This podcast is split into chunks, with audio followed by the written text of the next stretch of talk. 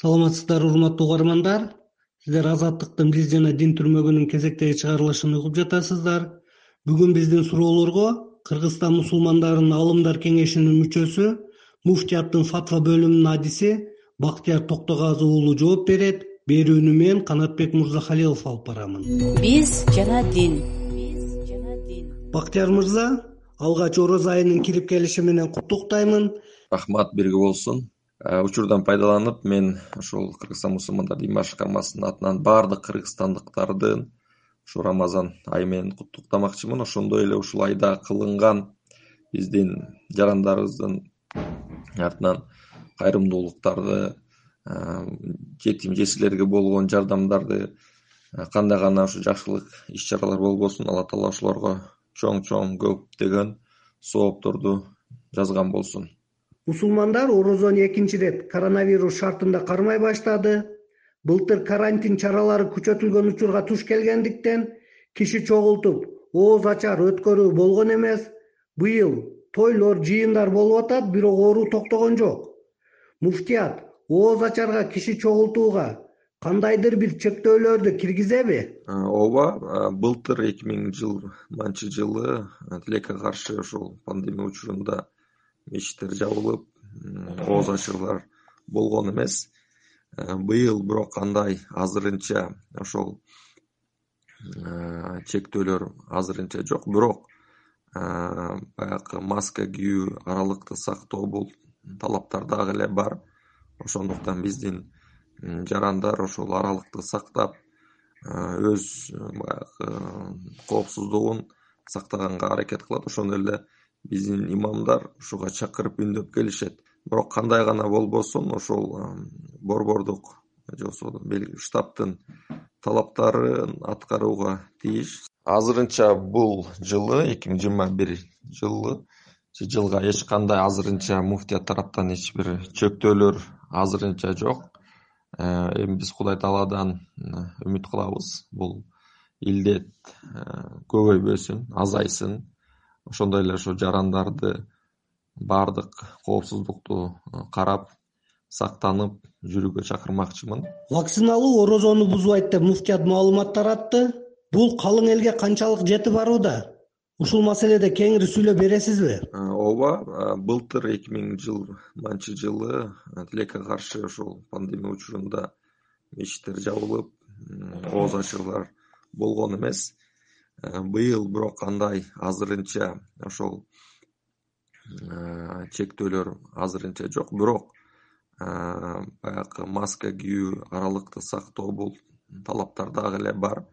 Ошондуктан биздин жарандар ошол аралыкты сактап өз баягы коопсуздугун сактаганга аракет кылат. Ошондой эле биздин имамдар ушуга чакырып үндөп келишет бирок ар бир ар кандай жерде ар кандай шарттар болуп калышы мүмкүн. Бирок кандай гана болбосун ошол борбордук же болбосо штабтын талаптарын аткарууга тийиш себеби бул биздин жарандарыбыздын коопсуздугу алардын ошо сак саламат болуусуна кандай бир деңгээлде себеп болуп эсептелет. Биз жана дин акыркы жылдары интернеттеги социалдык баракчаларда маалымат алмашуу күчөп айрымдар ооз жапканда да ачканда да тамактардын сүрөтүн жарыялоону орозо кармап атканы тууралуу жумурай журтка жар салууну адат кылышкан. Ушул сымал көрүнүштөргө шарияттын көз карашы кандай? Орозо кармоо адеби жөнүндө кандай кеп кеңештерди айта аласыз? Албетте бул орозонун өзүнүн адептери бар. Биз э, орозодо бул баягы тамак аш жана суусундуктандарды ичип ичүүдөн токтолуп ошо менен биргеликте бул жерде биз орозонун жана руханий жагы дагы бар. Кошумча бул баягы жалган айтпа сөкпө урушпа талашпа бирөөгө сөз ташыба чагымчылдык кылба ошого окшогон маанилүү жагы дагы бар орозонун бул орозо бул бир мектеп биз мындан бери ушул өзүбүздү тарбиялап руханий жактан да физикалык жактан дагы башка айларга жете тургандай бир күч алабыз да. Кудай таала бизге ошондой бир мүмкүнчүлүктөрдү жаратат. Соц тармактарда жанакындай даамдуу кооз тамактардын алдында сүрөткө түшүп чыгарып элге жарыялоо бул дагы кандай бир деңгээлде ислам адептерине жатпаган иш аракеттер десек жаңылышпайбыз. Ошондуктан учурдан пайдаланып мен айтмакчымын. Келиңиздер ошол баягы муну көрүп дагы адамдардын көзү артпашы керек ошол нерселерге.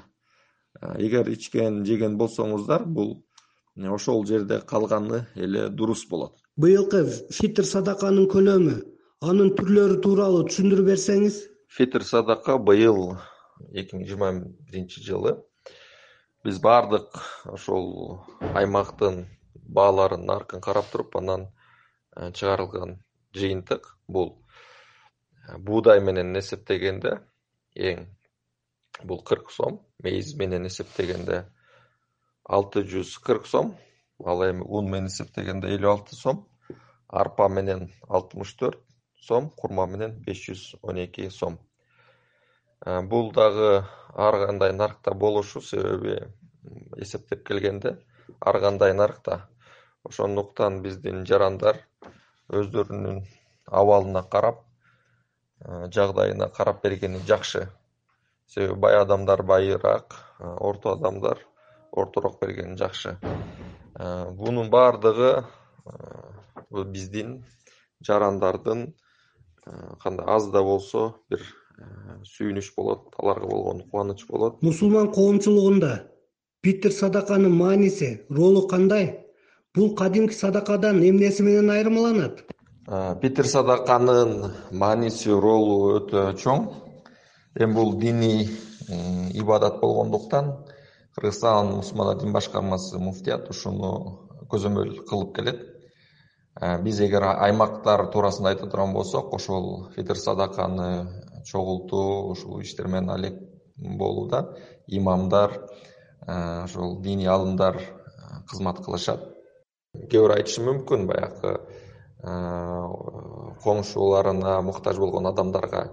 Шарият аба жол берет эгер кимде ким ошондой жардам берип фитр садакасын берсе. Бирок биздин максатыбыз көбүрөөк чогулса жана көбүрөөк берилсе бул ошол бей муктаж болгон үй бүлөлөргө пайдалуураак болот. Себеби эки жүз төрт жүз сом алгандан көрө миң сом эки миң сом же дагы андан көбүрөөк сумманы алган жакшыраак болуп эсептелинет. Анан заманбап жагы азыр технология дейбизби. Бул жаатта дагы кыргызстан мусулмандар дин башкармасы электрондук капчыктар терминалдар аркылуу төлөгөнгө дагы шарт түзүлгөн. Мисалы биздин жарандар жыйырма төрт пей терминалынан дагы төлөсө болот.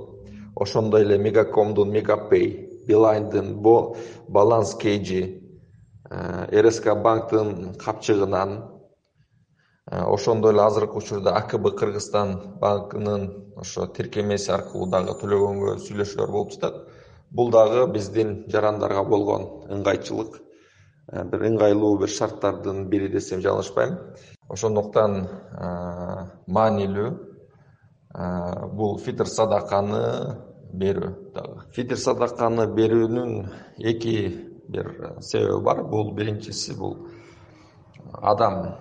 Биз тирүүбүз ден соолуктабыз рамазан жакшы өтүп атат жакшы өткөздүк деп э, берилет ар бир жанга. Бул эгер үйдө ата жооптуу болгондуктан өзүнүн балдарына баккан балдарынын ар бирине берилет. Ал эми өзү иштеген чоң балдар боло турган болсо алар өздөрү берүүсү керек. Ошондой эле экинчи себеби бар. Бул ошо рамазан айында орозодо кандай бир кемчилик ката болуп калышы мүмкүн. Бирөөнүн көңүлүн оорутуп бирөөнүн сөөгү же болбосо бирөөгө көңүлүн түшүрүп дегендей ошондой учурларда кандай бир орозодо дагы болгон бир кемчиликтерди оңдоо иретинде дагы ушул фитр садака берилет. Бул экинчи тараптан экинчи аалымдардын айткан сөзү. Муфтият ошону ошол кмдбнын өкүлдөрү чогултуп тиешелүү жактарга тапшырып берүүсү мындай организаторлук ролу бул маанилүү да. Биз жана дин. Урматтуу угармандар сиздер азаттыктын биз жана дин түрмөгүнүн кезектеги чыгарылышын уктуңуздар. Биздин суроолорго кыргызстан мусулмандарынын аалымдар кеңешинин мүчөсү бактияр токтогазы уулу жооп берди. Берүүнү мен канатбек мырзахалилов алып бардым. Аман туруңуздар